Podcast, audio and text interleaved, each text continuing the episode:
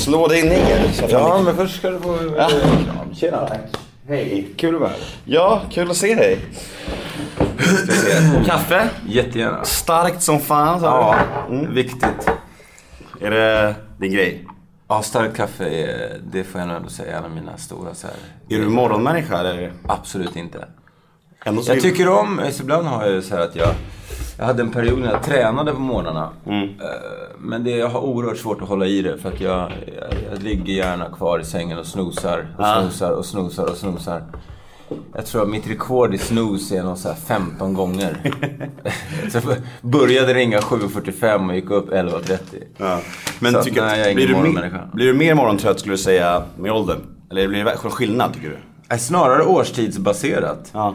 Eh, nu när det är mörkare ute och man vaknar och det är grått så känns det nästan som att det inte finns någon poäng att, att gå upp, höll jag på säga. Men det, jag måste ju gå upp. Men det är svårare kan jag tycka att, ha disciplin nu. Eh, det är stor skillnad på när jag hade mitt produktionsbolag och massa anställda. Och nu då när jag har lagt ner det och bara fokuserar på att vara komiker. Och då är, handlar det om att sitta och skriva. Eh, Men jag ändå, tycker ändå att liksom jag försöker gå upp i regelbundna tider och sådär. Men det är svårt. Svårare och svårare ju mörkare det blir. Jag fattar. Nemo är en kändis, den största som vi har. Nu ska han snacka med en kändis och göra honom glad. Yeah! Det är Nemo är en kändis, den största som vi har. Nu ska han snacka med en kändis och göra honom glad. Yeah! Välkommen Mårten Andersson Tack så mycket Nemo Hedén. till Nemo möter. Ehm, vad kul att ha dig här. Detta Jättekul att vara här. Avsnitt nummer 55 blir det här. Ehm, ja, eh, hur är läget? Det är riktigt bra, är det. Ehm, Jag är, jag menar, nu är klockan 10 på morgonen så det, det är inte tidigt. Och jag har Nej. hunnit dricka kaffe redan och äta lite frukost. Så att jag mår bra eh, idag och rent generellt mår jag nog faktiskt jättebra. Mm. Varför ville du spela in ehm, just på förmiddagen, morgonen? Jag eh, känner mig som piggast då. Eh, sådär. Och gärna tidigt på veckan också. Nu Vi spelar in det här en tisdag nu. Eh, jag vet inte, då är jag, jag tenderar faktiskt att vara gladare. Konstigt nog kanske så här, i tidigt, tidigt på veckorna än i veckosluten. Söndag är min värsta dag. Det är den här ångest singeldagen när man känner sig som mest ensam. Jag gillar verkligen måndagar. För det är så här, ny vecka, nya möjligheter. Och tisdag idag, ja, samma sak. Och gärna tidigt på förmiddagen när man är, jag är alert och, och sådär. Jag blir rätt trött runt fem, sex och inte lika koncentrerad och sådär. Mm. Men, ty- tycker du söndagar är lika jobbiga även när du är egen företagare som, som man säger? Ja, men jag försöker, alltså det här är oerhört svårt, den här, du vet, den här eviga balansgången. Du vill också lite frilans. Och, och då är det så här, när, är- när jobbar man och när är man ledig? Det där flyter lätt in i varandra. Så jag kan ju sitta och svara på mail halv tolv på natten. Så att jag har svårt att dra de gränserna. Men eh, på helger så, så försöker jag faktiskt att inte jobba. Jag kollar nog något mail ändå sådär. Men, eh, men så att söndagar så är jag ledig. Så då är det snarare en annan typ av ångest som mera är så här, eh, man går runt på stan som jag tycker om att promenera mycket sådär. Eh, och så ser man alla par som går runt och skrattar och håller varandra i handen. Så känner man bara hat. Förakt. Eh, ja, precis. Bara get a room. Nej, men det är ju bara avundsjuka sådär. Eh, så, nej, men det, jag tycker att det kan bli rätt. Och jag är i den åldern nu, jag är 41. Eh, så nästan alla mina vänner har ju barn och familj idag. Så det är inte av ovilja de kanske inte hör av sig. Utan det är att de hänger med andra människor som har barn. Eller så har de bara inte tid eller orkar inte. För de, de vill sova istället. Det Så inget- det blir lite ensamt då. Det är nog inget personligt. Nej, men det är, jag är en paranoid person. Så att jo, jag får ju för mig ibland. Ja. Jag är exakt likadan. Tar väldigt, saker väldigt så personligt och tror att det handlar om mig och tror att jag har gjort någonting och överanalyserar i huvudet och så. Jag känner igen mig där. Men det där är ju också riktigt intressant, för det är precis det jag sitter och skriver om min nya föreställning, Hybris. Just hur jag tror att, jag har fått för mig tydligen att världen kretsar kring mig. Eh, Det finns väldigt mycket roligt i det där att, att både analysera och filosofera och, och, och skoja om. Just att, nej, jag kan ju också skuldbelägga vänner när de inte svarar mig eh, enligt, eh, liksom, tillräckligt snabbt. När jag tycker att man ska svara. Och skriva typ, åh fan. Eller jaha, säger du det? Det menar du inte. Bara hur många sms som helst. Tills jag insåg att, men vänta, eh, det är väl deras liv. Liksom. exakt. Men jag känner egentligen igen det. Fan, det, är, det, är, det är ingen trevlig egenskap man har det där. Att, att tro att allting kretsar kring, kring sig själv. Och jag vet inte hur många gånger folk har sagt det till mig att eh, att det är ingenting. För jag har frågat såhär, är det något? Alltid när folk, folk inte hör av sig på ett tag eller såhär, då, är då är jag alltid såhär, är det något? Har jag gjort någonting? Blir jag- Då blir jag såhär ängslig och då bara, har jag, jag, jag är arg. Typ, så här. Folk bara, nej det är ingenting, men allt kretsar inte kring dig. Du vet. Man bara, nej. Är Fan. Ja. Trist upptäckt. Ja. Eh, från och med för några veckor sedan så lade jag till ett nytt segment i den här podden som jag alltid brukar börja med. Och det är Vad är din uppfattning om mig? Eh, oj, vilken, vad intressant. Eh, min, min uppfattning av dig har förändrats. Eh, vilket jag kan tycka är häftigt med livet också. Att man, om man inte är en döm, alltför dömande person, att man ger folk en andra chans. Eh, först så hade jag en rätt bra bild av dig sådär. Tyckte väl att du verkade vara en, en rolig prick som man såg i, i, i tv-program sådär. Sen har jag för mig att jag träffade dig på Rhodos eller något sånt där. Och då var inte du, jag, då, jag vet inte, jag var väl inte i en bra state of mind själv. Jag hade festat jäkligt hårt under flera liksom, veckor. Och, eh, jag tror att du hade gjort samma sak. Och jag för mig att det mötet fick jag någon ganska dålig känsla av. Sådär. Eh, och så tror jag att du skrev något elakt till mig på Twitter. Eh, har jag för mig. Som gjorde att jag blockade dig. Och eh, sen så hade jag nog en bild av dig som så här stökig och eh, sådär. Men eftersom jag själv har varit stökig så dömde jag det inte för hårt. För jag vet att i, i liksom spritånger och vad den annat är man eventuellt stoppar i sig eh, sådär. Så, så blir man, man tar fram sina absolut mörkaste sidor. Så jag försökte se bortom det där. Så när du hörde av dig igen efter något år eller vad det kan ha varit då på Facebook och eh, började prata om den här podden och så vidare så, så kändes det som att det var en annan person. Jag bad dig om ursäkt också, gjorde jag inte det? Ja, Ja. det gjorde du. Så, eh, så det är ju också en av anledningarna till att, till att jag sitter här. Eh, Dels för att jag ty- tycker att alla människor förtjänar en andra chans och också för att eh, jag älskar att se förändring hos människor. Det är det hela min grej försöker bygga på i, i mitt, både mitt artisteri och som vän och sådär. Att försöka hjälpa människor att utvecklas, om de vill. Annars har du hybrisen i det också, att leka Dalai Lama och komma med en massa råd och så har folk inte ens bett om dem. Sådär. Men så att nej, jag, men, men jag menar, det känner du väl själv också? Att du är en, en helt annan person idag. Gud ja. Och det är intressant det du säger så här, för mitt mål med den här podden, eller en av mina mål, eh, det är att ha gäster här som man har en viss uppfattning av och sen få Alltså nyansera den, ändra uppfattningen. För det är ju, det är, som sagt, det är, det är fan det finaste som finns i livet. Att ändra uppfattning om människor. Att, vå- att, det är så himla fint för både personer och sig själv. Att man vågar öppna sinnet och ändra uppfattning och ha en viss, liksom, det, är, det är så jävla magiskt. Och flera gånger har det hänt. Liksom. Jag minns ni hade Marcus Birro som gäst. Innan var det bara så här, man bara fan, han är ju helt dum i huvudet. Men så träffades vi och hade en, en skön timme och han var ju bara, alltså, han var ju snäll, han var lite ängslig men han var, han var ju precis som jag. Nej, jag förstår du? Alltså, folk, folk är väldigt ofta bra om man ger dem en chans. Ja. Sitter ner, ner med dem. Det är väldigt sällan man ogillar en människa när man sitter ner med dem och pratar med den så här. Ja, men det blir väl också det, det är sådär att man, man kanske har en bild av hur någon är och så vidare. Men framförallt i sociala medier idag. Folk tror att de känner en. Och det är väl kanske att man omedvetet eller medvetet visar upp en sida av sig själv. Eh, ju personligen försöker jag vara mer nyanserad. Att inte alltid skriva att allting är så jäkla bra och att jag är så lycklig och, och bara skicka ut massa olika citat om hur bra man ska tänka och sånt där. Utan också dela med mig när jag inte är på topp. Eh, för att för mig blir det mera mänskligt och mera på riktigt. Ja, Jag får ju ta del av det om du blockar upp mig kanske någon gång. Så.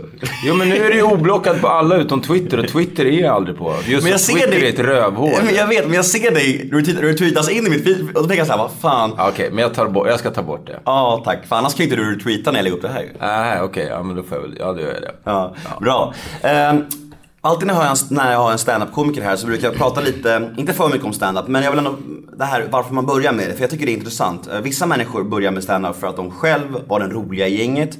Andra börjar med stand-up för att de tyckte att stand-up-scenen var så dålig och att de kunde göra bättre själv. Det finns alltså olika förklaringar på varför man börjar med stand-up. Vad, vad var det? Vad... Ja, det är väl en kombination av det där, eh, tror jag. Och såklart ett bekräftelsesökande. Eh, eh, som jag nog hade redan från tidig ålder. Och eh, just det, ja, nej men det, jag, redan när jag var 9-10 år så började jag så här spara på roliga historier från Expressen och Aftonbladet och skrev ner dem i en liten bok. Och sen så klippte jag ut seriestrippar med Ernie framförallt och eh, Kalle och Hobbe i viss mån. Eh, eh, men Ernie var favoritserien då. Och sen så älskade jag, vågar man knappt säga nu, men Cosby Show. Glatt ovetandes om vem han var bakom kamerorna. Vi klipper här. Ja, precis. Exakt. Nej, det där är ju en chock alltså. Men, men nej, jag hade varenda Cosby-avsnitt inspelat. Eh, alltså på VHS. Eh, Köpte såna l- långa 240 minuters eh, så att jag kunde spela in hur många som helst. Och lärde mig dem liksom nästan utan till. Så jag satt när mina föräldrar hade gäster och sånt och liksom återberättade gärna ur Cosby och gjorde rösterna.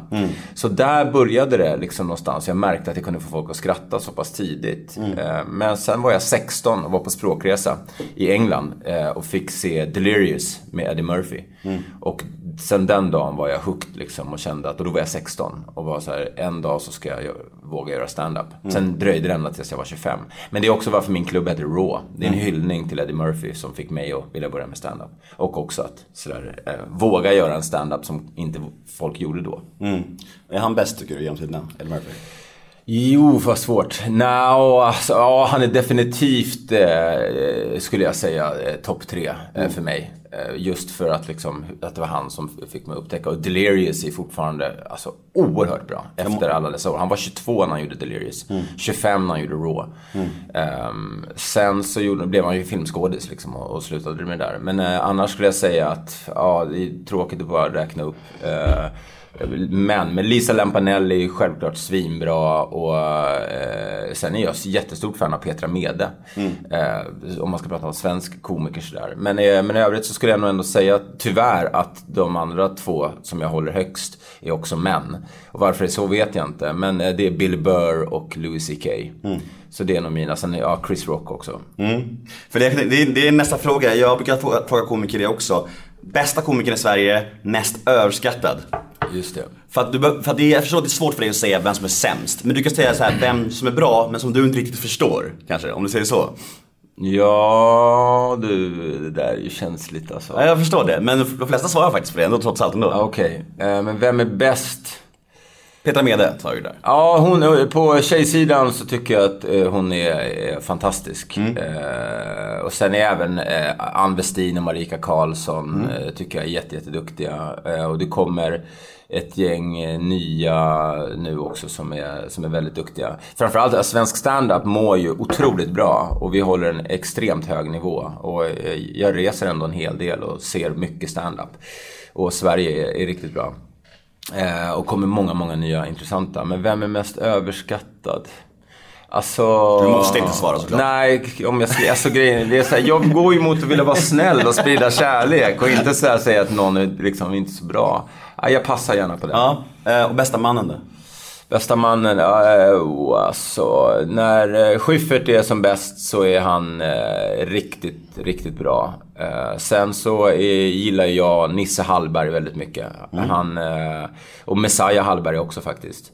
Och sen så... Um, ja, men det är väl de som jag skulle säga jag Du, du har nämnt tre stycken ex-gäster här nu. Ah, Nisse- okej. Nisse Hallberg, Messiah Hallberg och Ann Westin. Okej, vad roligt. Ja. de är grymma alla tre, faktiskt. Eh, under ytan gick ju väldigt bra. Eh, du skriver nu på din andra show, Hybris. Mm. Eh, hur, alltså, hur går det till när, när man skriver en show? Sitter du på café hela dagarna eller tar du hjälp av andra och bollar? Eller hur funkar det liksom så här? Eh, ja, det här är egentligen första gången som jag känner mig lite trygg i att skriva en föreställning. För att, eh, att, att aldrig ha skrivit en föreställning någonsin som det var med Under ytan var ju så här, hur gör man liksom? Jag kommer ihåg just att jag satt och tittade på YouTube där Mange, alltså Bettner hade lagt upp eh, en typ hur han skriver en show. Han också- med olika post-it-lappar. Ja men du vet, den, den Ja, lyssnade jag på, var jättebra intervju. Eh, han la upp massa post-it-lappar och liksom hur han gjorde det. Så det var väl en grej. Och sen frågade jag runt kollegor så här, hur man rent dramaturgiskt byggde det. Men då hade jag också en regissör, Patrik Larsson. Eh, som jag har jobbat med flera olika stora komiker. Så han hade ju koll. Eh, manusmässigt skriver jag alltid allting själv. Sen händer det väl att jag sitter och bollar sådär med någon. Men jag skulle säga att utav Under ytan och även Hybris så har jag skrivit 98-99% själv. Det är alltså något skämt här eller där jag fått hjälp med. För jag såg dig sitta ner med, på Instagram tror jag var, när du satt med Nisse Hallberg och Mm. så, ni bollade lite eller? Exakt, det är, det är, väl en, den där en eller två procenten. Men då typ så visar du upp lite material och typ säger så här, håller det här? Ungefär så eller? Ja, jag kan säga så här. Jag har en idé till exempel som handlar då eh, om eh, byggarbetare säger vi. Och så drar jag igenom den rutinen som det kallas för för honom. Och så kanske han säger, ja men det där är roligt. Men ska du inte lägga till också som, eh, vi uppträdde för övrigt tillsammans igår kväll eh, på Södermalm. Och då sa han just det där, men eh, ska du inte lägga till att, jag har en grej som handlar om att varför byggarbetare som slamrar, bankar, hamrar och jävlar och låter mest ska jobba, eh, börja jobba när 99% av Sveriges befolkning ligger och sover. Eh, så är det, drar jag en massa grejer om det och då sa han, men ska du inte skämta om att de också alltid ska skryta om att de går upp tidigast? Ja, när gick du upp i morse? 4.30? Ja, fan jag gick upp 4.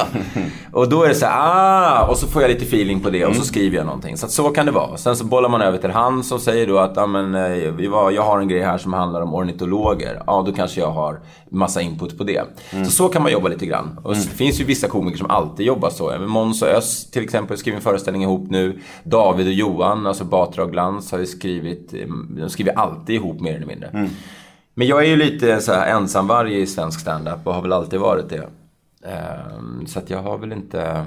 Jag umgås inte så jättemycket med de andra komikerna och... Deppigt? Vill, eller vill du Ja, det? men eller? lite. Jag känner... ja, Men jag har ju alltid känt mig lite utanför hela livet. Inte bara i standup-världen. Jag känner mig... Ja, men jag känner mig titt som tätt lite Alltså, det, det, ovald. där, det där som, du nämnde lite om det här att du var så tidig med att vilja få folk att skratta och det här. För jag känner ändå, i min ungdom, i min barndom, då var det så att jag känner mig, jag känner alltid, hela min barndom att vara någon slags jag växte upp i en familj med sex syskon och jag kände att jag fick inte så mycket uppmärksamhet alls. Det formade mig väldigt starkt. Att jag ville höras och synas. Och då började jag i skolan Alltså vara så extrem clown, bara för att få folk att skratta till varje pris. Det spelade ingen roll om det var dumma grejer. Det var så här, skratta med mig, åt mig, bara ni skrattar. Jag kunde så här, dansa framför en blind man, bara för att folk skulle skratta liksom. Ungefär på den nivån. Bara för att fylla någon slags tomrum i mig liksom. Just det.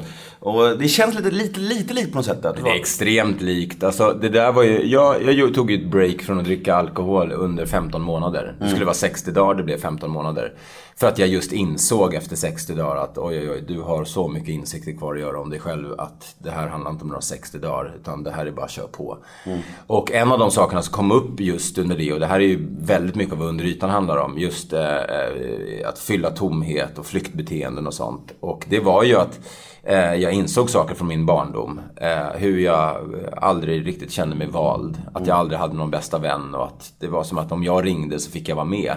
Men det var nästan aldrig någon som ringde mig och frågade om jag ville vara med. Så det var som att jag fick vara med men ändå inte riktigt var med. Och i det där så, mitt, mitt, vad ska man säga, eh, inte ett genombrott eller break, men för mig var det ju att tjejer började tycka att jag var snygg i åttan, nian sådär. Och att jag började få uppmärksamhet den vägen. Men då hade jag också skojat väldigt mycket fram till det. Och det där levde jag rätt på liksom, och det fortsatte när jag började på ZTV och blev liksom, jag fastnade i en negativ spiral av att knarka bekräftelse. Eh, och sen började då, det här tomrummet blev ju bara större och större för jag grävde ett eget hål. Och sen då fyllde det med alkoholrus, korta romanser med tjejer och ännu mer bekräftelse. Tills jag bara insåg att det här, det här går inte längre. Jag måste göra, göra om och göra rätt. Fan, spöklikt alltså. Det, det jag har inte sett under, jag såg inte under ytan. Är lätt, du, vet, du får gärna berätta om, om saker som är Ja, men från den, finns på, den finns på TV4 Play i en månad till. Blev du- ledsen att jag inte såg den nu? Nej, eh, jag tror bara att du hade tyckt om den. Speciellt eftersom, jag vet inte om det är officiellt att du... Vad du Ja. Äh, jo, min nykterhet ja. Ja. Ja, jo, absolut. Okej, ja, men då ska du definitivt se den. Ja. För att det du beskriver ju här, det, det eh, Jag gjorde en Aftonblad- Aftonblad-intervju för någon vecka sedan och då pratade jag väldigt mycket om det här att det känns som att mitt liv var uppdelat i tre delar. Första delen, då vill jag få, alltså tre delar av att fylla tomrum. Första delen var att få folk att skratta till varje pris. Andra delen var att ligga med tjejer. Det var bara så, då ville jag ligga med allt och alla, bara för att så här att fylla något tomrum. Och sen började supa och även, och även ta droger liksom. Bara för att jag ville fylla något tomrum liksom i mig. Och det är liksom, det spelar ingen roll. Jag, jag, jag minns till exempel efter, efter Tylösand där, när jag hade 300 000 i kudden hemma och låg med tre tjejer om dagen. Jag var inte lyckligare för det. Alltså jag var inte, jag var inte lycklig ändå. Det var lite så här, det spelar liksom ingen roll. Och så länge man har tomrum i sig. Så, alltså, inga externa grejer kan lösa ett internt problem. Nej. Det är verkligen så. Och det, det, det känns som du har mycket likheter där. Och det är, det är därför extra fett att sitta här med dig, måste jag säga. Men det, ja, det är exakt det där jag pratar om. Eh, och det, det är vad jag kallar för quick fixes. Att, eh, och tjejerna, bekräftelsen, pengarna eller, eller alkoholen. Att de fyller den för stunden. Men sen blir det som ett rus som klingar av. Och så står man där. Tommare än någonsin. Tommare någonsin. Ja. Och då gäller det att lära sig vad man ska göra åt det. Och det är det under ytan handlar om. Ja, nu vill jag faktiskt riktigt lack på mig själv att jag, jag inte såg den. Men vad är det för research i den här podcasten? så jävla usel alltså. Men den fanns på, uh, vart sa du den Eh? Den finns på TV4 Play eh, des, eh, november, om det är november eller december ut. Sen så är, sen är den, försvinner. In på TV4 Play och se den och jag eh, ger dig ett löfte att jag ska se nästa föreställning bara för det. Mm, hör av dig sen om du tyckte att den kunde hjälpa något. Den är ju bland, det är en blandning av eh, humor och mycket, en hel del allvar. Och framförallt lite verktyg som jag hjälpte mig. För jag har gjort, jag har gjort så mycket terapi så att min, min förra terapeut fick gå i terapi själv. eh, och jag fick byta till Det där har du dragit i några Ja, det var faktiskt skämt.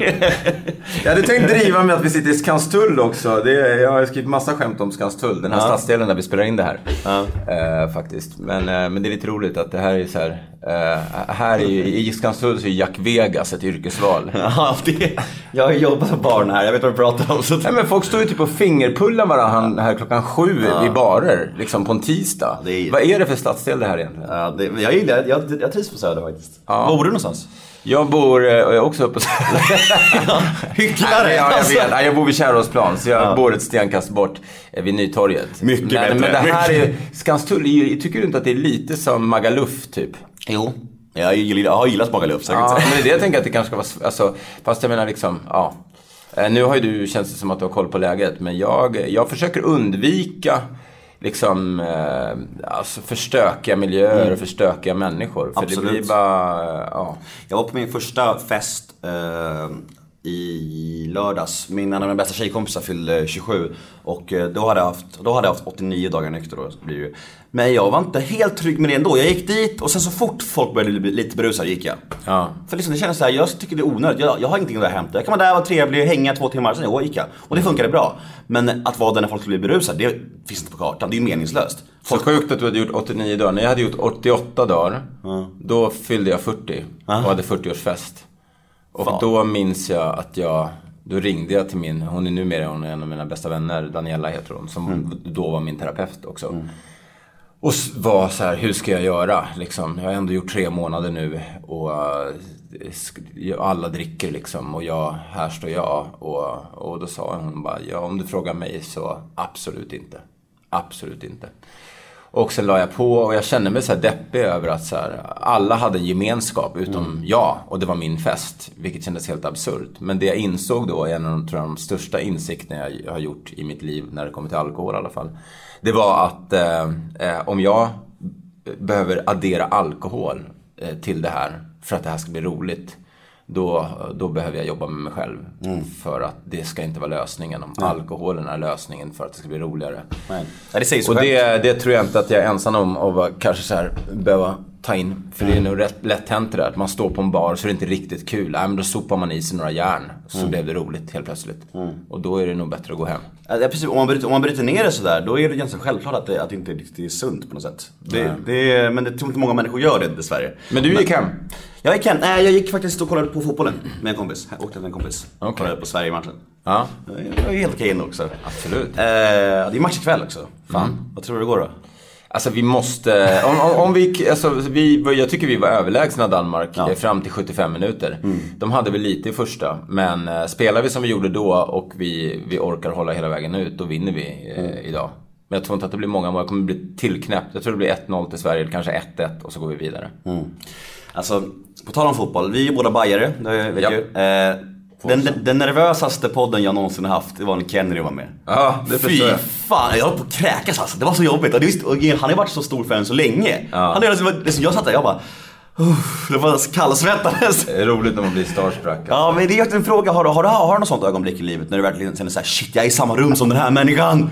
Ja men det är typ nästan samma. Eh, jag träffade Kennedy eh, och eh, Stefan Batan. Jag såg bild på det också. Ja, och då var jag så här, jag brukar liksom, jag blir inte nerv, alltså så nervös i sådär. Men då var jag liksom, kände mig som en liten pojke Mm. som skulle ta en selfie och bara stod och snackade helt nonsens och kände vad ska jag prata om och så här.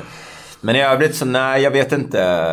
Jag tror att jag har väl aldrig liksom blivit någon superkändis på något sätt. Det är fortfarande den vanligaste frågan jag får är var känner jag igen dig ifrån? Mm. Nu- Vad svarar du då? Eh, jag jobbar på Systembolaget brukar jag säga. För jag blir så... Nej, det där är inte därifrån. Eh, nej, eh, förut sa jag att jag vara med i porrfilm. Eh, men eh, men eh, nej, jag, jag brukar väl säga, jag orkar inte stå och så förnedra mig själv och berätta alla dåliga program jag har gjort. Nej. Liksom, ja, det kanske är från Guinness Rekord-TV. Nej, är det från 101 sätt åker du en gameshow. Och så har inte folk ens hört frågan. De tror att jag trakasserar en stackars gammal gubbe som bara, nej det är inte det. Problemet är att folk har ofta stenkoll på exakt vem du är. Men de, folk är så jävla stolta. Så de, de, är typ så här, de, vill, de vill ju lite förnedra. Det är det på något sätt känns De vill som. inte ge det till en riktigt Nej, tror jag. nej. Nej men med, vad jag skulle komma till var väl att jag, eh, jag började ju på P3 när jag var 19 och på ZTV när jag var 20. Och jag är 41 så halva mitt liv har jag ju liksom gjort någon slags media. Och det har väl gjort att jag själv inte blir så imponerad om jag träffar någon superkändis sådär. De är, man vet ju själv, jag vet ju själv, jag är inte någon annan människa bara för att jag råkar vara. Och det är det jag tycker är så konstigt om man dejtar, som jag har gjort lite grann nu, tjejer och sånt där. Och de bara, ja, men jag har aldrig dejtat en offentlig person. Nej men alltså, jag är ju så, det är ju bara råkar vara en, så här, en del av mitt yrke. Det, är- det är inte så att jag går runt och känner mig som offentlig. Nej. Sen finns det ju vissa kändisar som gör det. Men jag ser mig som Mårten, inte som Mårten komikern eller Mårten någon slags offentlig eh, liksom BC-kändis. Så för mig är det absurt, men det är är min verklighet. Så att, Ja. ehm, ja. Nej, jag fattar, ja, jag fattar vad du menar. Ehm, när man har läst, lite, läst, läst på lite om dig, jag har gjort lite research trots allt. Tack ska du ha.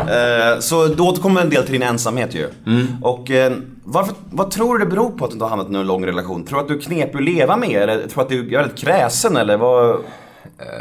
Jag tror, ja båda de två tror jag det är. Eh, eh, nog lite för kräsen och det blir inte bättre av att ju äldre jag blir så känner jag att liksom den nästa person jag träffar måste ju vara en potentiell fru och eventuellt då liksom förhoppningsvis en mamma till mina barn.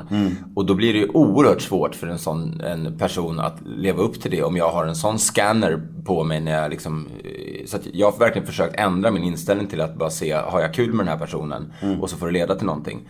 Men jag tror att mitt stora problem problem är att så fort jag träffar en tjej eh, som känns speciell, alltså riktigt speciell, och det händer inte så ofta, då blir jag alldeles för på.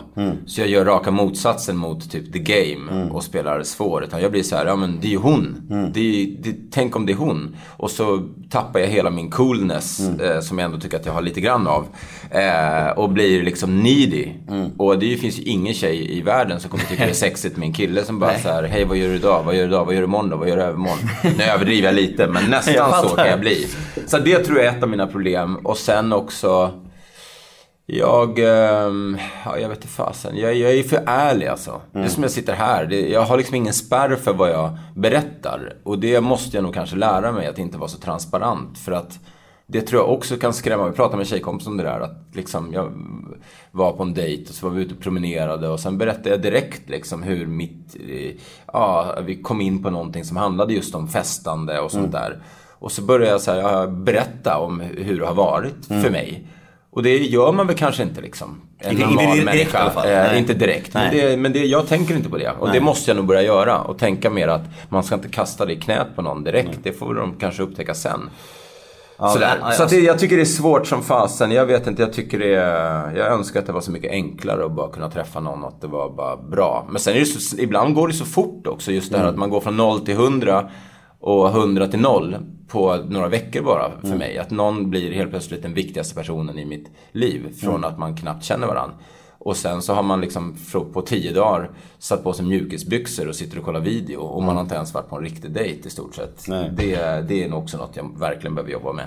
Men jag tror att det där, jag tror att, fan, nu kommer det låta klyschigt men återigen känner jag så himla mycket igen mig där med att vara nästan för ärlig med människor som man knappt känner. För att jag, jag har alltid varit, min mamma sa till mig, din ärlighet kommer att ta dig långt. Bara för att jag liksom, jag har inga spärrar heller. Jag blir så här, jag, jag, jag känner som, inte som en plikt, men det blir så naturligt att berätta om allting om. Att liksom varför, take it or leave it lite grann. Och sen så märker man själv att man är alldeles för ärlig och så folk blir så här obekväma. Man bara, oj, du vet så här, så här man kan, man kan inte känna av. Socialt missanpassad typ. Ja. Nej, jag känner verkligen igen det. Och det är, det är egentligen kne- knepigt att man, ska, att man ska inte få skit, men att det ska, bli dåligt för att man är för ärlig. Det, det ska ju ta, vara Det är bra något för. fint. Jag tycker också alltså, det. vara genuin. Speciellt i en stad som Stockholm där jag i alla fall upplever att väldigt många ska hävda sig och väldigt många går runt och håller en fasad. Mm. Eh, Men jag tror att det finns nog, kanske både du och jag behöver lära oss då att man kan vara ärlig. Men att eh, man kanske måste ha en li- liten, liten fasad. Mm. Åtminstone till en början. Eller det behöver inte vara en fasad. Men man, kan, man behöver kanske inte bara vara som en bok där man spyr ut alla bokstäver och alla kapitel direkt. Utan att man ger en liten sida här och en liten sida där. Typ. Eh, för ens egen skull, jag vet inte, för jag känner mig oftast tom igen då. Just för Mm. att man har berättat för mycket och så blir man sårbar. Precis, ju mer man Det, berättar och då är det något fel. Ja. Då har man varit för ärlig. Ja, det är, det är evig kamp alltså. Ja. Men då, då snuddar också vid det där med vad vi på. Jag minns, jag har varit ihop med min tjej nu i 21 månader och eh, vi var ju- innan var vi ju i sam- samma umgängeskrets. Vi var ett gäng på sju pers som var typ bästa vänner. Sen råkade jag ligga med Linn en kväll och då blev jag tokkär i henne. Alltså du vet, bara så här, från vän till, alltså du vet. För jag har aldrig sett på henne som en, som en en sån brud liksom. Jag aldrig, alltså, hon, hon var snygg och rolig och så här perfekt, absolut. Men hon var inte, hon var min kompis. Så låg vi en kväll och jag blev så kär i henne direkt alltså. Jag har aldrig varit kär förut. Jag blev så kär i henne. Och hon bara, hon kände lite också så här. Hon bara, ja men Nemo, ta det lugnt nu. Det här kan nog bli något bra, men du måste ta det lugnt nu. För annars, annars kommer det bli ett helvete. Jag kunde inte ta det lugnt. Det var helt omöjligt för mig. Jag var, jag var så på alltså. Jag ringde och kontrollerade henne och var så oskön och på. Jag skrämde livet ur henne. Och hon bara, nej men det går inte. Jag, så hon låg med en annan snubbe och jag blev, hur tror jag reagerade då? Jag blev ju helt, jag slängde en stekpanna i väggen och gick bananas. Och, och mina kompisar bara, alltså Nemo du måste ta avstånd. Ta avstånd från det, enda chansen du har. Ta avstånd från henne. Och jag tog avstånd från henne i en, två månader. Sen träffades vi och blev ihop. Men det var ändå coolt av henne då, kan jag tycka. Eller av dig också, att du, du hade den självrespekten då att du tog avstånd och så. Men, eh, men jag vet inte, den turen har jag inte haft. Utan Nej. de jag skrämde Det var ett extremt fall, det var ett extremt fall. Ja. Men, det är väl, eh, då fan, men det kanske också var just för att ni hade eh, bondat som vänner. Hon eh, kände och hade, mig. Mm. Ja, ni hade den grejen innan. Men om man inte har det och man direkt gör den där skrämma bort grejen. Då, då kommer de inte tillbaka om två Nej, månader. Det är min erfarenhet i alla fall. Nej jag, jag håller helt med, jag har väldigt, väldigt flax. Men, men just det här att man Alltså hon blev ju, alltså jag, jag blev nästan rädd själv hur oskön jag blev när jag blev så, när jag tyckte om någon så mycket. Alltså man, blir, man vet själv i huvudet, man kan sitta med ett sms i handen, en lång uppsats så här. Och så kan man här, trycka, på, trycka på sänd här, kommer bara komma negativt ur det här. Så som tvångsmässigt bara skicka, och så skickar man det och så blir det bara skit av det. Ja. Ja, det är Det sorgligt. där är också, det är, jäkligt, det är sånt här älskar jag ju att prata om Mm. och liksom tänka kring. För det där finns, eh, just kring hybris så kan man få för sig att det bara är en sån här uppblåshet. Att man är så eh, fantastisk och, och grandios. Mm. Men hybris har det visat sig efter att jag har gjort research och sånt inför föreställningen. Det är ju också den här martyr och offerrollen. Mm. Att det är så synd om mig och det är ingen som vill ha mig. Och det är precis det du gör Mm. när du skickar det smset. Eller jag själv gör att man, är så, man, man går in i det negativa för att man någonstans hittar energi i det. Och det är också en sorts hybris. Intressant, då får jag verkligen se showen. Ja, Bra. Den är inte förrän i, i, i vår. Men eh, ja, du får börja med den första. Absolut, ska jag göra. Men, men det finns ingen kvinna i livet nu? Inte ens någon du träffar lite grann? Mm, nej, Nej, det finns inte. Det finns nej, inte. eh, Nej. Jag tänker inte jinxa något här. Så nej, Nej. det finns ingen. Nej, vad bra, vad bra, vad bra. Ehm, vi måste ju prata om alkohol lite mer. Mm. Så är det. Hur är ditt förhållande till alkohol idag? Det är, eh, just nu dricker jag inte. Nej. Eh, och eh, har inga planer på att göra det framåt. Hur lång Så- tid har du nykter den här gången då? Nej men nu är det, jag har precis bara bör- börjat om. Jag kände att jag, ja men jag ville bara, jag tog ett, jag har tagit några, jag, andra maj så hade jag gjort 15 månader. Och det är då jag fyllde år. Så då drack jag nå- något glas vin och så var det inget mer med det. Sen kom det en sommar. Då det var lite fester och grejer och sådär. Och sen så har jag hela tiden funderat. Vad, så här, vad vill jag? Vad är jag? För jag sa till mig själv att jag ska aldrig mer dricka på ett sätt som ger mig ångest. Eh, och sådär. För att det tar ju otroligt mycket tankekraft. För mig har det gjort det i alla fall. Att jag funderar så mycket på, på alkohol. Istället för att jag kunde fundera på någonting annat istället. Så att, eh, och så har jag känt den senaste veckorna när jag har tränat och liksom, ja, eh, att ska jag verkligen, alltså hur blir det? Så medan jag, fund- eftersom jag funderar så pass mycket så har jag bara känt att, nej men då skiter jag i det just nu och utan någon, någon vidare plan. Så att, eh, nu är det två veckor så det är ju liksom eh, ingenting. Men, eh, men det, nej, jag, jag, det känns helt rätt just nu. Sen vet inte jag, man kan ju aldrig säga vad man ska göra eh, för resten av livet. Jag vet inte om jag blir bög när jag är 65. Eh, allt kan hända. Men, eh, men just nu känner jag inte för att dricka och det känns som helt rätt beslut. Så får vi se vad det Fast blir. två, två veckor är inte ingenting. Jag kan säga att för de folk som har festat i två veckor rätt länge kan jag säga. Jag var stolt efter två veckor idag. Jo, nej men det, alltså, det är väl mer att eh, just för att jag gjorde 15 månader så känns två veckor ganska eh, lite sådär. Men, eh, men, ångrar- men, det är igen där, är glaset halvtomt eller är det halvfullt? Precis. Så att jag tycker det känns, alltså jag är på rätt eh, spår och det finns någonting, jag, jag tänker lite grann att så här, jag har ändå lagt ett antal år av festande i mitt liv. Mm. Eh, och säg 20 år, och jag, om jag, man skulle räkna på att jag är 40. Att det, halva mitt liv har varit en, ganska mycket fest. Mm. Ja, säg att jag blir 80, förhoppningsvis blir jag väl äldre. Men Mm. då har jag ett halvliv kvar. Vad ska jag göra med det liksom? Så mycket av de tankarna jag hade under mitt förra break har dykt upp den senaste tiden igen. Och känt så här, hur mådde jag då egentligen? Och hur har jag mått det här halvåret när jag tillåtit mig själv att dricka alkohol? Så att, eh, och utifrån det har jag bara känt att nej men nu tar vi, nu struntar vi i det här. Så får vi se vad, vad det landar i. Men, men jag har ingen plan på att börja dricka den eh, närmsta tiden. Så, att, så får vi se. Men eh, kan du, kan du någon gång känna att du, att du ångrar att du bröt din nykterhet? Jag tänker för att... Nej, vet du varför? Därför att jag var inte klar. Nej. Jag var inte klar. Eh, utan jag kände att jag, det skulle vara ett break som ju skulle vara 60 dagar. Men sen så insåg jag att det var alldeles för lite tid. Att jag behövde göra mycket längre tid. Men någonstans så fanns det hela tiden i bakhuvudet att jag ville här, se hur, hur allt det jag har lärt mig under de här 15 månaderna genom att gå ut ur min comfort zone och göra samma saker som jag gjorde eh, när jag drack fast nykter. Så här, och applicera det på eh, typ Mårten 2.0. Och, eh, men någonstans med en väldig respekt inför så här, hur jag mådde innan och att inte hamna där igen. Och eh, nu har jag provat det i ett halvår och eh, analysen av det är väl just att jag säger, nej men nu tar jag ett, ett break på obestämd tid. Och jag vet inte ens om jag ska kalla det ett break utan just nu så bara känner jag inte för att dricka.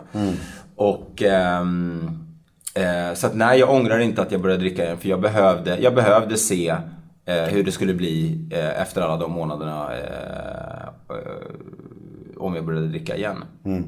Eh, och det kan ju bara du bestämma själv, helt klart. Så, så är det ju. Men, men det var ju trots allt lite kritik mot dig på Instagram, dina följare. För du blev ju ofrivilligt så blev det någon slags eh, offentlig bild av eh, killen som har haft lite problem som, som blir nykter. Och då, det finns många där ute som, som är, har problem med alkohol och, och droger och allt vad det nu är. Jag, jag A lot can happen in three years, like a chatbot may be your new best friend. But what won't change? Needing health insurance. United Healthcare Tri Term Medical Plans, underwritten by Golden Rule Insurance Company, offer flexible, budget friendly coverage that lasts nearly three years in some states. Learn more at uh1.com. själv bland annat har haft det liksom. Och då blir det så att om det är någon människa som är offentlig blir nykter, då blir han ju, även om han inte ens vill det, så blir han ju en förebild liksom. För en hel rörelse. Du startade Sober och så här. Och, eh, ja, hur, alltså, hur, hur tyckte du att eh, alltså, den här besvikelsen som vissa följare visade, var det jobbigt för dig, tycker du? Ja, det tycker jag faktiskt att det Kunde var. du förstå det? Alltså, Jag, jag kunde förstå eh, de som valde att vara oroliga. Som skrev att hoppas verkligen liksom från hjärtat att, att det här är rätt beslut. Det vet bara du, men eh, ta hand om dig och all kärlek typ. Då kan man ju ta till sig det. Men när någon skriver du är en besvikelse som någon skrev. Eller att är så mycket för sober och sånt där. Då blir jag eh, sårad på riktigt. Liksom. Eh, Därför att eh, jag tycker inte att man, man har den rätten att gå in och skriva den typen av saker på folks sidor. För det är mitt liv. Eh, om jag sen skulle hamna i graven för att, mitt festande, ja det var väl oerhört tragiskt i så fall. Men det är fortfarande mitt liv och mina beslut. Så eh, ja, folk gjorde ju mig till, men sen är det också kanske naivt och tro att inte det skulle bli reaktioner. Jag skrev ju massa texter under den där tiden också om hur jag mådde och sånt där. Försökte sätta ord på det och var ju väldigt liksom hudlös sådär och under ytan framför allt när folk såg den. Ehm, så att jag... eh, Ja, jag, jag kan till viss del förstå det, men jag tycker också folk har fått en jäkla hybris och ska hålla på och bara tro just att världen kretsar kring dem och bara jag tycker inte det där var roligt eller du ska skämmas. Nej, du ska skämmas. Som går in och skriver på en annan människas eh, Instagram till exempel att, så här, att den ska skämmas. Den har ingenting att skämmas för inför dig. Möjligtvis om min mamma eller pappa hade skrivit det. Eh, fine. Människor som aldrig har träffat mig. Fan, håll käften. Nej, jag håller med. Jag håller med, det är helt upp till en själv liksom. Men det blir, det blir ju automatiskt så. Jag, jag, jag, jag kan inte tala för hur länge jag kommer vara nykter, det har jag ingen aning om. Och det, och, men jag säger bara, så länge jag mår bra i det så kör jag på liksom. Men, men det här med att ofrivilligt bli någon slags när folk börjar skriva till mig nu, nu har folk börjat skriva till mig också, mail och så här, Åh, du, du ger mig styrka, du går före, du visar vägen, lalala, det går eh, även för oss hopplösa och så här. Då blir jag så här glad, men samtidigt blir jag rädd för då vill man inte göra dem besvikna. Så det blir Nej. dubbelt liksom, det Ja. blir svårt. Ja, Jag, jag har svarat på var, alltså jag tror mig, jag har fått tusentals mail under de där månaderna. Både från folk som såg då föreställningen Eh, och även som har läst texter och sånt som har spridits massor. Och jag har verkligen tagit mig tid och svarat personligt på varenda en. Men det, det var ju liksom, eh, det gav ju mig någonting också att få ge någonting tillbaka. Men samtidigt så har jag, bad jag ju aldrig om att bli eh, liksom Moder Teresa i, för nykterheten. Och det är därför jag känner nu, om det nu är så att jag inte kommer dricka något mer eller vad det, det Jag kommer nog hålla det, jag kommer inte vara lika transparent. Utan det, det blir min grej nu. Eh, sådär, nu, det, det får någon annan ta, du får ta det nu. Mm, jag tar över sober. Ja. men, men, eh, men du är nöjd med sober i alla fall? Vad kul Eh, grej. Ja, det är... Klubbet också. Ja, men du kan, vi, jag kan, det här är inte offentligt än, men det kan väl lika bra bli det nu då. Mm. Eh, att eh, eh, tyvärr så kommer Sober eh, läggas ner. Okej. Och eh, det är jättetråkigt, men jag är också otroligt stolt över att, att jag eh, gjorde den här knäppa idén och eh, att det ändå blev 10 eller 11 gånger totalt sådär. Men vad som hände var ju, och det här är bara, tycker jag, ett bevis på vad Sverige befinner sig i idag. Eh, hur, hur viktigt alkohol är för oss svenskar bevisligen. Det här vikingabeteendet som sitter kvar, att vi super ner oss på helgerna. Och sen har vi också lagt till oss med ett medelhavsbeteende, att vi dricker gärna vin en tisdag, onsdag, torsdag. Så med andra ord så är, är vi fulla mer eller mindre hela tiden. Vi håller på att bli Danmark typ. Eh, och eh, i, ehm, i det så, eh, det här med eh, just hur mycket vi dricker blir ju, ja det blir uppenbart. Eh, för att när man pratar om vanliga, inom citationstecken, människor. Eh, så kom inte de på sober. Nej. Utan det var nästan, nästan bara nyktra alkoholister eller folk med en problematik med alkohol och eh, yogisar typ. Eh, Yogisar? Eh, men alltså, ja, yogamänniskor som Ja, är spirituella spirituella människor. människor. Och ingen av dem dricker ju alkoholfri öl, alkoholfri cider eller alkoholfritt vin. Nej. Eh, utan de dricker vatten eller juice. Ja. Och jag, enda anledningen till att jag fick runt Sober eh, ekonomiskt till en början var ju tack vare våra fantastiska sponsorer då. Klaus Thaler Kopparbergs och Enjoy Wine som de hette. Eh, och eh, när de då insåg att ingen dricker deras produkter och ingen kommer gå och köpa det på ICA eller Coop. Ja, då vill ju inte de eh, vara med och sponsra längre eh, med marknadsbidrag. Och det är därför klubben inte kommer överleva. Och sen var det väldigt många som tyckte så här, det, var, det är dyrt och bla bla. Att man inte kan tänka större. Det är klart att vi måste ta betalt för biljetterna. För vi, har, vi tjänar inga pengar på Nej. det som är eh, den absolut mest inkomstbringande som finns. Nämligen alkohol. Så att... Sen kände jag lite också om jag ska vara ärlig. Jag hade en tuff period med mitt eget produktionsbolag och eh, där vi åkte på några rejäla smällar. Och sen även då sober. Så jag bara kände att jag orkar inte jobba i motvind längre. Det, det tar så oerhört mycket energi som jag istället kunde, skulle kunna vilja lägga på att skriva roliga skämt och få åka runt och inspirera på andra sätt.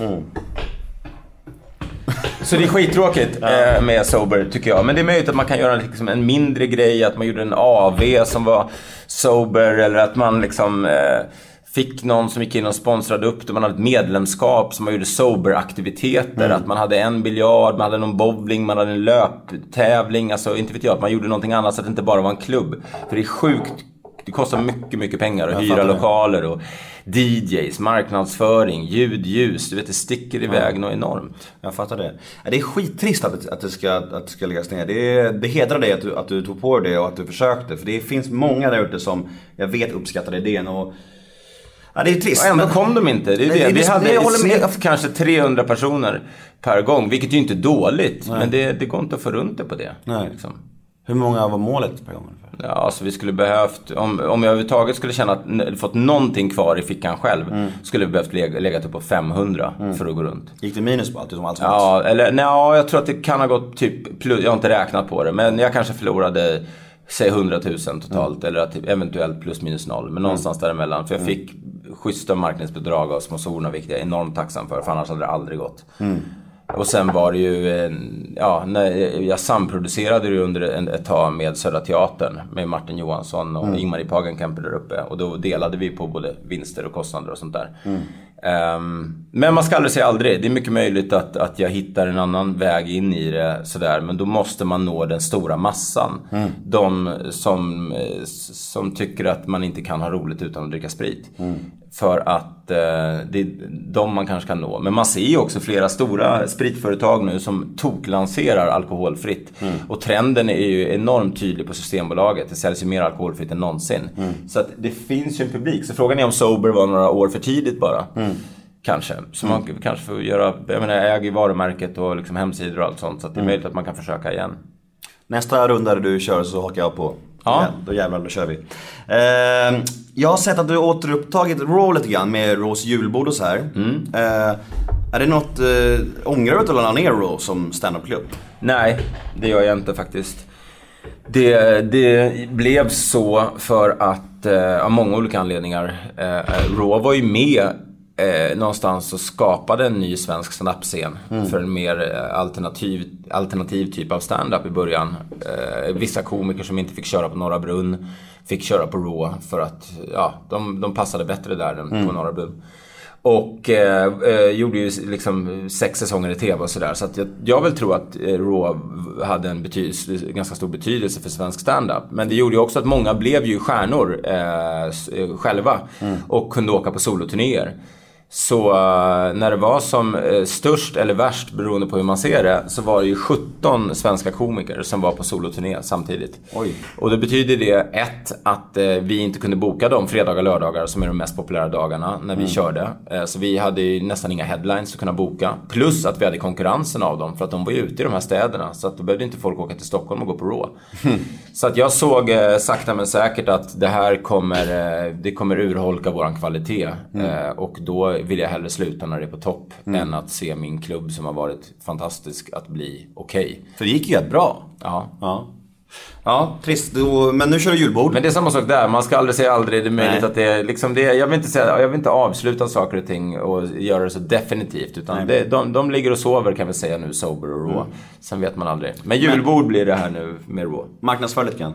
Ja, ja precis. Nej men eh, jag ska marknadsföra någonting. Ja, jul, alltså det, är ju jättekul de här julföreställningarna. Men de är nästan slutsålda så jag behöver inte marknadsföra det. Vad härligt. Hybris får man gärna komma på. Alla har hybris. Absolut.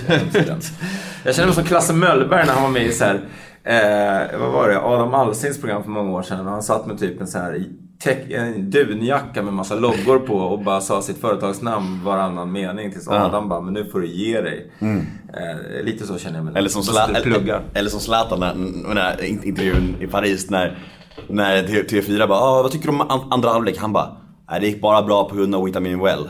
Man bara Sa han det? Ja han sa det i, alltså, i, i, alltså, i halvtid i matchen sa han det. Fan, vad sjukt. Ja. Och hon bara, men vadå, men vad tycker du om den, här- den här hörnan? Han bara Vitamin Well gjorde det möjligt. Man bara, alltså vad fan händer? Jag blev så här, han liksom. Jesus. Ja, det stack i ögonen alltså. Men Ja, det var, han kanske skulle ha stått med, efter matchen står han i en Dressman-kostym och säger ja, det var Dressman som gjorde det. Och, ja, absolut, absolut, det var Dressman. Dressman av alla företag alltså. Ja, ja. ja. Ehm, vad, men vi var inne på det. Finns det någon skillnad mellan Mårten Andersson offentlig och privat? Nej, Nej. inte så mycket. Jo, att jag har ett mycket större djup eh, än vad, eh, vad kanske sociala medier visar. Tycker att du har visat här ändå. Ja, jag tror att också, jag gjorde en intervju för många år sedan i Värvet och Mm. det blev någon slags, kände jag i alla fall personligen, någon, en vändning. För, Revansch. Ja men det var nästan så det kändes. Mm. För att jag kände att folk har totalt missuppfattat vem jag är och sådär. Det beror säkert på hur jag har valt att vara i olika sammanhang och sådär. Mm.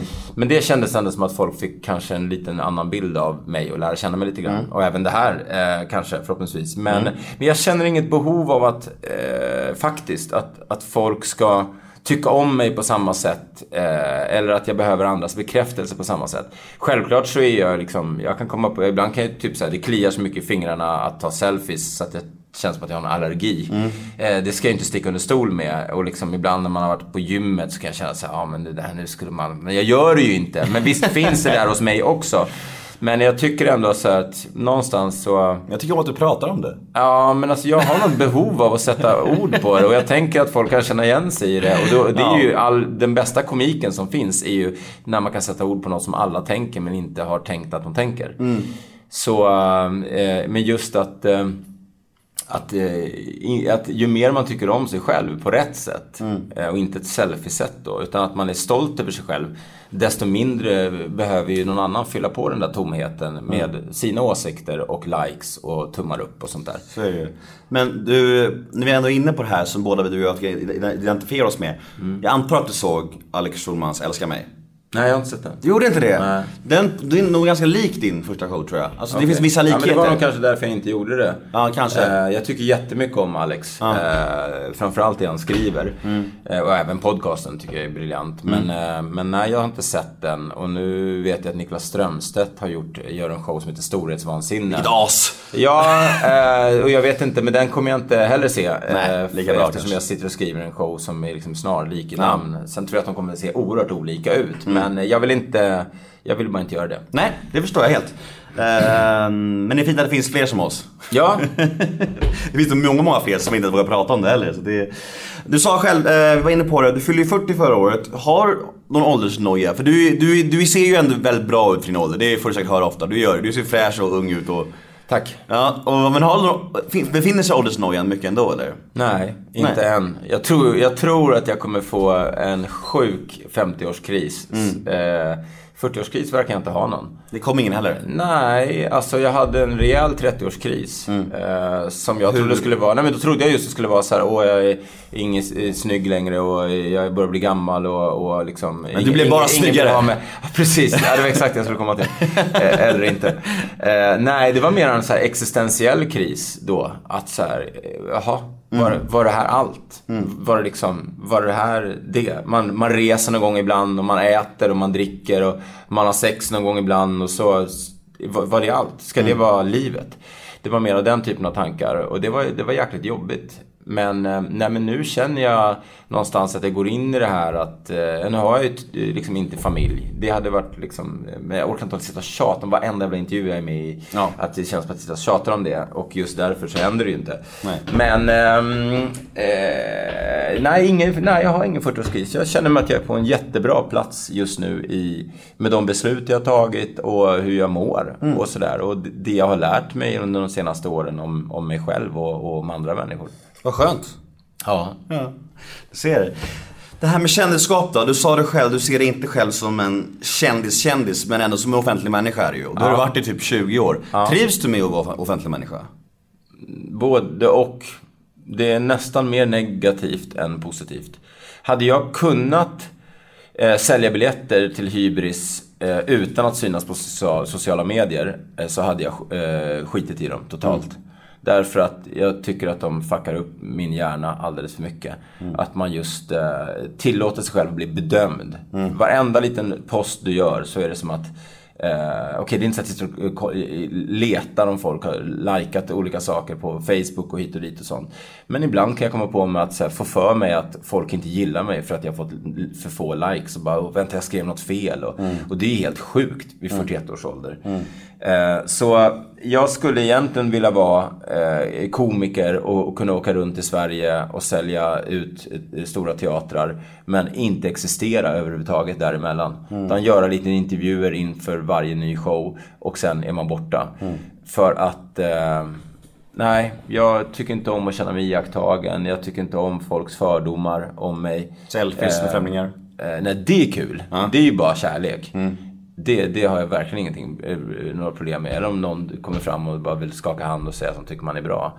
Så säger de, har det bra Måns? Säger de och så går de. Man bara, eh, va? Då undrar man så här, vem, vem trodde de att det var? Men eh, det är helt sant. Antingen det eller Martin Björk får jag höra hela tiden. Eh, jätteofta. Att så här, de tror att jag är Martin Björk. Vet du vad jag får höra? Nej. De säger såhär, Fan du ser ut som han Nemo från Tylösand fast lite tjockare. Aj, aj, aj. det är helt okej. Är det så? Har du gått upp i vikt? Ja, Sebbe och min tjej har gått upp lite grann ja.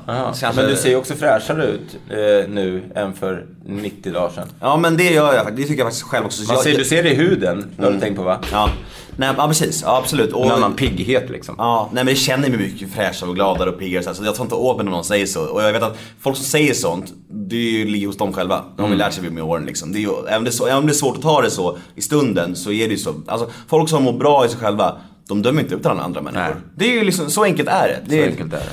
Men jag önskar som du, så jag önskar som du säger att att jag kunde ta bort mina sociala medier. För jag märker, alltså jag är helt, jag kan sitta liksom sju timmar och pendla mellan Twitter, Facebook, Instagram. Twitter, Facebook, Instagram. I, alltså i säkert sju timmar, på riktigt alltså. Det är inte, det är inte ett skämt. Och det är så här, och min tjej kan säga så här, hon bara, vad gör du egentligen? Vad gör du där inne? Alltså, jag bara, jag vet inte. Och det, tiden bara går. Alltså jag, helt, jag fattar inte. Men jag kan inte ta bort dem. Det- Jag har inte i mig. Jo då, det har du. Det är bara, alltså, jag tror att trixet är bara att lägga ifrån sig mobilen. Jag, jag är inte bra på det själv heller, men jag var på Yasuragi för inte så länge sedan. Och, eh, alltså såhär japanskt spa eh, här i Stockholm. Eh, Hasseludden? Exakt. Ja. Eh, så här heta källor utanför och man sitter och skrubbar sig på stubbar och sånt där. Eh, alltså inte ute i skogen utan eh, inne. Men, eh, och där eh, hade jag med, lämnade jag medvetet mobilen då för att kunna skriva eh, medvetet på rummet. Och hade den avstängd i 18 timmar. Och det är ändå inte mycket. Men det var en enormt skönt att bara, den var borta. Det var som just att man klipper navelsträngen till det här surret som ligger konstant ovanför det som ett paraply av sociala medier som man bör finnas i. Och jag menar, nu kommer jag låta som jag är 172 år gammal, men alltså jag tror verkligen att det där är inte bra. Man kollar på generation Z nu till exempel, som är den första heldigitala generationen som är uppvuxna med det där. Eh, där man ser ju också att våran så här, eh, attention span, eh, som på svenska heter eh, uppmärksamhetsspann va? Något sånt där. Ja. Att det har sjunkit i alla fall enligt så här undersökningar som Microsoft har gjort från 12 sekunder för några år sedan till 8 sekunder idag. Så vi blir allt, på grund av att vi har så mycket saker som distraherar oss, eh, mobiler, Twitter, allt sånt det du pratar om, så blir vi ännu sämre på att lyssna. Eh, vi är ännu kortare, så snart kanske vi, alltså en guldfisk har 9 sekunder. Det är rätt intressant. Så nu ser vi inte bara ut som guldfiskar när vi tar selfies, eh, utan eh, vi har till och med, och de ska vara mest korkade av alla för att de inte har något närminne. Vi är alltså ännu värre idag. Och det, fortsätter vi med mobilerna så kommer det bli, det går inte att ha samtal längre. För ingen orkar lyssna mer än tre sekunder innan de måste göra något annat. Nej. Ja, det, är, det är intressant det du säger. Jag, jag, jag mår ju så jävla dåligt när jag ser så här sexåringar sitta med iPads och sådär. Man blir, man blir helt så här. Alltså vad fan hände med ungdomen och barndomen för folk liksom? Det, det, det, allt försvinner på något sätt. Det bara försvinner upp i rök. Det är jättekonstigt. Och det blir bara värre och värre. Det är märkligt. Jag såg en jätterolig bild eh, som eh, jag la upp på min Instagram som någon, jag hittade någonstans. Där det stod ju som barn, lekande barn. En skylt så stod det eh, eh, lekande barn, eh, eh, någonting i stil med så här, typ lekande barn. Eh, eh, kör hur fort du vill för vi är ändå hemma och leker med våran iPad.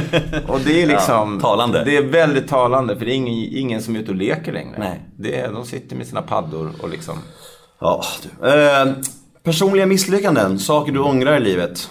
Jag vet att ångra gör ju inte folk så mycket. Det är, det onödigt att ångra saker. Men har du något på rak arm som du känner, fan i helvete varför gjorde jag det där för? Det var mitt sämsta projekt liksom. ehm, Något program eller någon, något, vad som helst.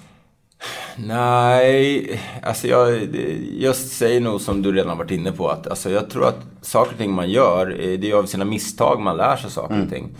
Faktiskt. Även dåliga gig så är det de man går därifrån och känner sig fasen så, där, så där ska jag inte göra. Slarv och så gör man det bättre. Så att jag tycker misstag är bra. Eh, eh, Men om jag ångrar något Nej, jag gör faktiskt inte det. Jag tycker att det blir, alltså, det blir för mycket negativ energi. Det är bättre, att- Man kan inte påverka saker och ting som har hänt. Det är bättre att fokusera framåt på det man kan faktiskt påverka. Men, ehm, ja, men om jag någonting jag ångrar så är det väl att jag många gånger när jag är hos mina föräldrar på middag och sånt där, att jag inte är närvarande. För att jag just håller på att fippla med min telefon. Eller när jag hittar på någonting med pappa och som jag liksom eh, vi ska bara vara han och jag. Så sitter jag ändå och håller på med min mobil. Då kan jag verkligen känna, vad fan håller du på med? Mina föräldrar är ändå runt 70 nu och då, de kommer inte finnas för evigt. Och sen den dagen de inte finns så, så ska jag då sitta och tänka, ja men bra, vad duktig du var som satt med din mobil istället för att snacka med din farsa och morsa som du har haft turen att få ha i livet. Påpekar din pappa, pappa det då? Ja, det kan han göra. Eller han har väl slutat, han har väl gett upp. Det är så här, men han brukar säga ja den här telefonen kommer sitta fast i fingrarna på snart om du fortsätter sådär. Ja, men typ så. Men det är Ja, ja. kanske hans sätt att säga att det vore kul om vi kunde umgås lite grann när vi umgås. Förmodligen, förmodligen. Ja.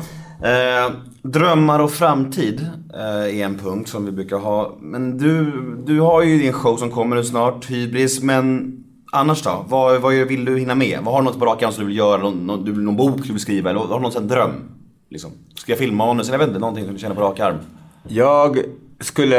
mm, Jag vill resa mycket, mycket mer än vad jag har gjort. Eh, Gärna åka till Sydamerika eh, och mera. Jag skulle... Jag vill ha en familj. Jag eh, skulle väldigt gärna vara skådis i någonting. Jag tycker det är sjukt kul, eh, de få grejer jag har gjort. Sådär. Eh, Vilken genre? Hu- alltså humor tror jag. Men alltså, för jag är ju ingen riktig skådis. Sen eh, tror jag att jag kanske är okej ändå. Eh, sådär. Men gärna humor. Eh, men det går ju inte så länge Jonas Karlsson ska göra alla roller som finns. Eh, Bitterhet! Nej då, men det är bara, jag tycker han får, alltså han är ju duktig skådis men nu räcker det faktiskt. Eh, det finns ju fler än en skådis man kan välja på. Men, nej men så det vore kul att göra, få vara med i en film. Eh, svensk eller utländsk spelar ingen roll. Sen skulle det ju vara kul, jag hade ju någon dröm om att köra stand-up på engelska. Och eh, tack vare att jag lagt ner mitt produktionsbolag och att Raw inte existerar och sånt så har jag fått enormt mycket mera tid till att faktiskt fokusera på det jag älskar mest av allt. Som var det som fick mig att vilja bli ståuppkomiker när jag var 16 år.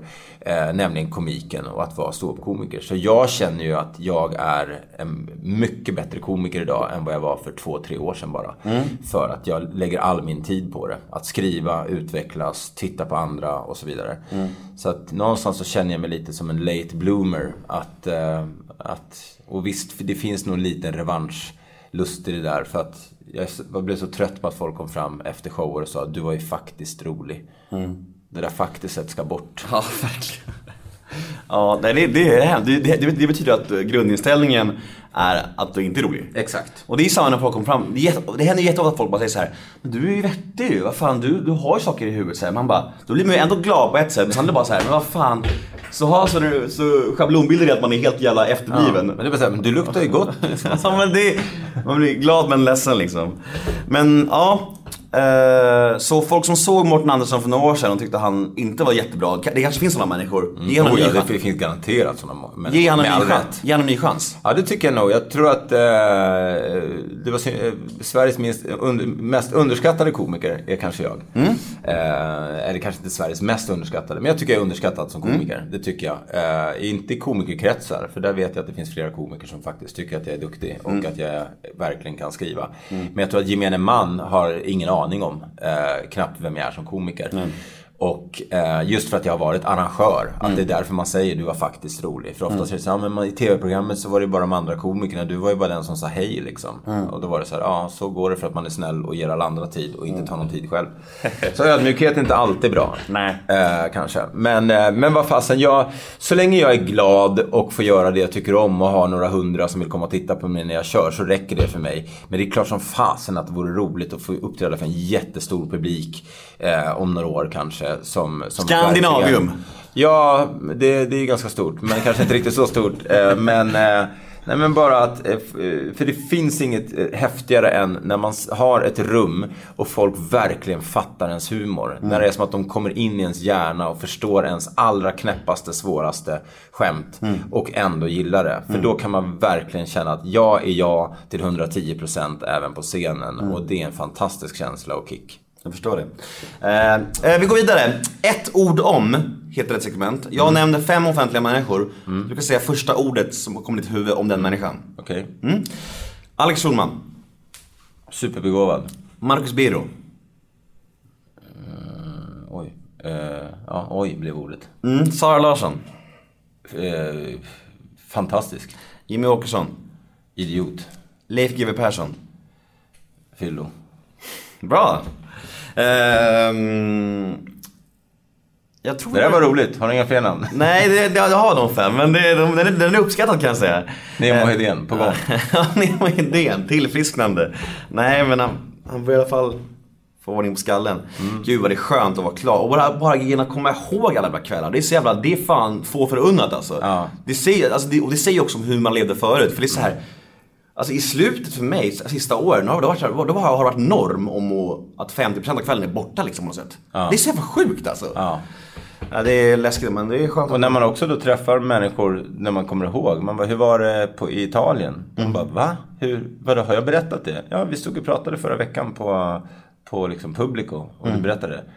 Jaha, och då är man så här... Då får man själv vara den skärpta. Japp. Den som får återberätta det historier. är ju liksom... Det har man aldrig varit. Nej. Jag har alltid varit den som, som har bett alla i min omgivning bara Fyll i den här kvällen, det här minns jag inte, berätta det här, vad hände? Nu är det tvärtom och det är fantastiskt. Ehm, det här med kritik och sånt här, det har vi, vi har ju varit, snuddat vid det. Det är ju det är ju ganska jobbigt för oss båda har vi upplevt. Men hur, alltså, hur upplever du liksom, kan, har det blivit bättre med det tycker du? Eh, ja, det har jag blivit. Eh, men eh, ja, även det är ju under utveckling och sådär. Men jag, jag kommer tillbaks till samma sak igen. Att I och med att jag har jobbat enormt mycket med mig själv de senaste åren så, så står jag inte och faller lika mycket med andra människors åsikter om mig. Men sen kan jag brinna till ibland ändå. Jag har hett temperament. Att jag kan bli, som nu senast, jag blev inte arg, men när någon kärring skriver liksom bara, "Var- Varför skriver du på engelska för? Men för att jag vill. Är, är det okej med dig? Att jag skriver på vilket språk jag vill? Och då kan jag liksom bli ganska sarkastisk eh, och eh, inte elak men liksom rätt hård sådär. Eh, Men det, jag vet inte någonstans, jag menar, jag vill inte vara Bror Duktig för mycket heller och bli den här förebilden och som ska vara någon liksom, eh, oavsett om det handlar om nykterhet eller att jag ska vara så fin bara. För det är inte en, heller en, en korrekt bild av mig. Ibland är jag dum i huvudet eh, och jag måste få vara det för att annars kommer det bli helt outhärdligt att leva. Så, så att visst reagerar jag ibland eh, och nu när jag ska på turné om jag skulle få dåliga recensioner, ja det är ju det är inte så roligt. Men där gäller det att försöka påminna sig själv om att det här är en enda människa. Men vissa recensenter är ju bra på att skriva att publiken eh, skrattar så de gråter men jag tycker inte att det här är kul. Ja, då har de ändå gett en bild av kvällen och inte bara vad de själva tycker. Men när någon inte ens skriver hur publiken tyckte det var och det, man har gått av scenen och fått stående ovationer och de bara skriver att det var dåligt. Då blir man ju inte så glad alltså. Nej. Nej men jag tycker det är intressant det du säger om, om att eh, eh, man, man, Jag sätter mig, har mig själv lite lätt på höga hästar. Alltså varför man själv har varit nykter nu ett tag. Att man liksom så här, Andra människor som har problem i ens omgivning med alkohol och vad det nu är. Då kan man liksom säga så här, ja men Ja, hur är det egentligen med drickandet? Men jag ska, jag ska bara hålla käften. För jag, jag ska bara fokusera på mitt liv och om jag gör någonting bra och folk inspireras av det är det jättefint. Men att börja sätta sig på höga hästar och prata med andra, det är liksom det, ska jag passa mig för kan jag säga. Alltså, Men vet du, jag hörde en jättefin grej apropå det där. Som är ett, ett par som jag känner eh, och som jag umgicks med en dag. Och sen så sa han till henne då, eh, han bara du, eh, är det okej att jag ger dig lite feedback? Och så bara stannar hon upp och hon bara, ja, ja. Inte exakt just nu, men kan vi ta det om fem minuter? Han bara, ja, absolut. Och det är så otroligt fint tyckte jag och ödmjukt just att så här, för ibland kan man bara börja ge folk, precis som du säger, råd som de inte ens har bett om. Och även om de kanske ville ha rådet så kanske inte just då var rätt tillfälle. Men om man ändå fr- frågar så här, eh, skulle jag kunna få ge dig du, lite feedback? Så bara, ja, vad handlar det om? Nej men jag tänkt på det här med ditt drickande. Nej men det vill jag inte, jag vill inte, nej. Och då har man ändå- Exakt. Men ver- verkligen, att fråga om man kan ju. Det är, det är skitbra. Det är tips till lyssnarna. Tips till mig. men ångest, eh, jag har ju brottats mycket med ångest, alltså ångestattacker. Men det har ju haft- mycket haft att göra med mitt leverne och sådär. Men när hade du som värst ångest? Och vad ger dig ångest i livet skulle du säga? När, när Nej, det som ger mig eh, och har gett mig absolut mest ångest i, i livet det är eh, alkoholen. Så är det. Det är ju kemiskt ångestframkallande och liksom även om man dricker på ett medelhavsvis och tar något glas vin här och där. För för mig har det inte varit att jag har varit liksom packad eh, alltid massor. Utan det är mer att det har liksom funnits ja, i, i mitt liv för mycket. Liksom, eh, flera dagar i veckan och sådär. Under väldigt lång tid. Eh, och det har gett mig ångest. Det kanske hade funkat för någon annan ett helt liv. Men för mig funkar det inte det. Eh, så, och, och så, det är den ena grejen som har gett mig ångest. Sen så, men sen är jag tyvärr en ångestfylld person. Att jag får liksom, om jag inte tränar så får jag ångest över det. Äter jag för mycket lösgodis eller bullar så, så mår jag dåligt över det. Och eh, är jag inte med där det händer så liksom, mycket sådana saker. Men eh, det, ja, det där är verkligen något som jag jobbar, för, försöker jobba på. Att, eh, att vara snällare mot mig själv. Jag menar om man är sin egen största fiende, det är ju helt idiotiskt. Ja, måste man vara sin, enda liv. sin största fan måste man ju vara. Ja. Supporter. När grät du sist? För, eh, En kvart sedan? nej, en, eh, för 14 dagar sedan. Vad hände då? Då kände jag eh, att eh, livet inte var så roligt och jag var med en av mina bästa vänner och vi satt och pratade om, eh, om allt möjligt. Och då hade jag haft just en sån här, jag hade varit ute på torsdagen, fredagen och lördagen. Och så var det söndag, för mig, eller måndag något sånt där. Och jag hade bara, jag mådde inget bra. Och så satt vi och pratade om det och, och sånt där. Och, eh, ja, jag vet inte. Nej, din- nu ska jag för en gång skulle inte vara för ärlig. Jo men fint, det var din senaste fylla ju så jag vet att någonting hände då uppenbarligen. Ja, nej men det hände inget speciellt. Utan det var samma sak som när jag väl valde att ta det här breaket från förra gången. Så, eh, så, så var det ju inte att jag hade gjort något dumt. Eller så. Jag gör ju nästan aldrig några dumma grejer på fyllan. Eh, Jag har gjort en grej, men det får du se i underytan om du väljer att titta på den. Så avslöjar jag inte det här. Men, eh, så jag har gjort dumma grejer också. Men jag blir aldrig våldsam eller aggressiv eller så. Utan jag går upp i någon liten bubbla. Men, så det var ingenting som hände. Det var bara en känsla därefter att det här Hela måndagen har gått, hela tisdagen har gått och en del in i onsdagen var det då. Så att halva veckan hade gått och jag hade fortfarande ångest fast jag hade tränat måndagen, tisdagen. Då kände jag att det här, det går inte längre Mårten. Nu räcker det. Och lite den känslan hade jag, även fast den ens var i närheten av eh, innan. Men det räckte för att jag, jag, bara, jag kände mig jävligt liten och jävligt eh, sårbar och allt sånt. Och hon är en otroligt fin person, Fia heter hon. Som jag eh, har enorm respekt för och som eh, Nej, det blev bara eh, känslosamt. Så då, då grät jag. Jag förstår. Fint att de- dela med dig av det. Eh, Du, du, eh, det känns som att du har gott självförtroende men lite sämre självkänsla, kan det stämma? Ja. Att för du har, det känns som att Absolut. du, eh, du har, har du något komplex? För du är ju som jag sagt, du är en snygg man. Har du någonting du känner såhär, fan det här är ju inget snyggt? ja jag har så stor kuk. För stor? Fan vad förlåt. Det är, det är Persbrandt. eh, Alltså, jag var, var du mobbad i skolan? Ja, jag hade för stor kuk. Eh, nej, men eh, nej, har jag några komplex? Eh, ja, ja, nej, eh, det har jag väl inte. Det handlar inte så mycket om, mina komplex handlar inte så mycket om mitt utseende utan mer om att jag inte agerar ibland på ett sätt som jag skulle vilja. Eh, Som till exempel att om man då dejtar någon tjej, att, eh, och jag, helt- att jag lyfter in någon och det blir liksom, de går från att inte ens ha existerat till att passera alla filter och bli superviktiga i mitt liv. Till att liksom ibland då tre veckor senare inte ens riktigt komma ihåg vem, vad hon hette. Ja.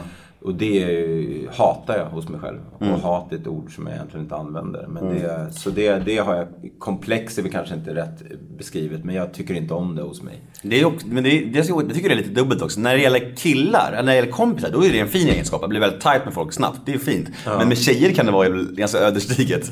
Då kan det bli väldigt utlämnande och liksom skrämma folk. Men jag tycker det är fint när det gäller kompisgrejer. det har folk sagt till mig också, att du har en tendens att komma nära folk väldigt snabbt. Det tror, det tror jag är en fin egenskap. Men varför kan det inte vara som med tjejer? Jag vet inte vad det skrämmer någon tror jag. Men vad är det då som skrämmer? Har du ingen sån här Facebook-sida som folk kan diskutera? Jo, absolut. Mm. Ja. In på Nemo möter Facebook-sidan och diskuterar. Varför skrämmer tjejer att bli intima snabbt, men killar blir bara bröder snabbt? ja. Mm, Intressant, verkligen. Varför Eh, måste man spela ett spel? Kan man inte bara köra? precis. Ehm, jag börjar bli klar, känner jag. Ja. Vad härligt det var, tycker jag. Är du nöjd? Eh, är du nöjd så är jag nöjd. Jag tyckte det var jättetrevligt. Mm. Också roligt att höra lite av dina insikter och tankar. Nej men jag känner det. det är, jag älskar att ha gäster som, eh, som man har mycket överens med tankarna. För det blir automatiskt ett jävligt levande och bra samtal. Som jag tror också lyssnarna kan uppskatta. Eh, om man vill nå Mårten Andersson på sociala medier, vad finns det? Vad heter du? Eh, Jag heter Martin Andersson på Twitter. Sen heter jag Martin Andersson 1974 på Instagram. Mm. Och vill man eh, ta del av texter och sånt där eh, som jag skriver. Jag har en hemsida som är mitt namn, martinandersson.se. Där jag både bloggar och eh, försöker samla allt som är aktuellt med på en plats. Eh, sådär. Men eh, ja, det är väl det. Mm. Jag heter Nemo Hedén på Twitter och Instagram och hashtaggen är NEMOMÖTER. Och vi tackar Mårten Andersson för att han kom och gjorde oss sällskap. Det var otroligt roligt. Då! Tack för kaffet. Hej då! Tack, hej.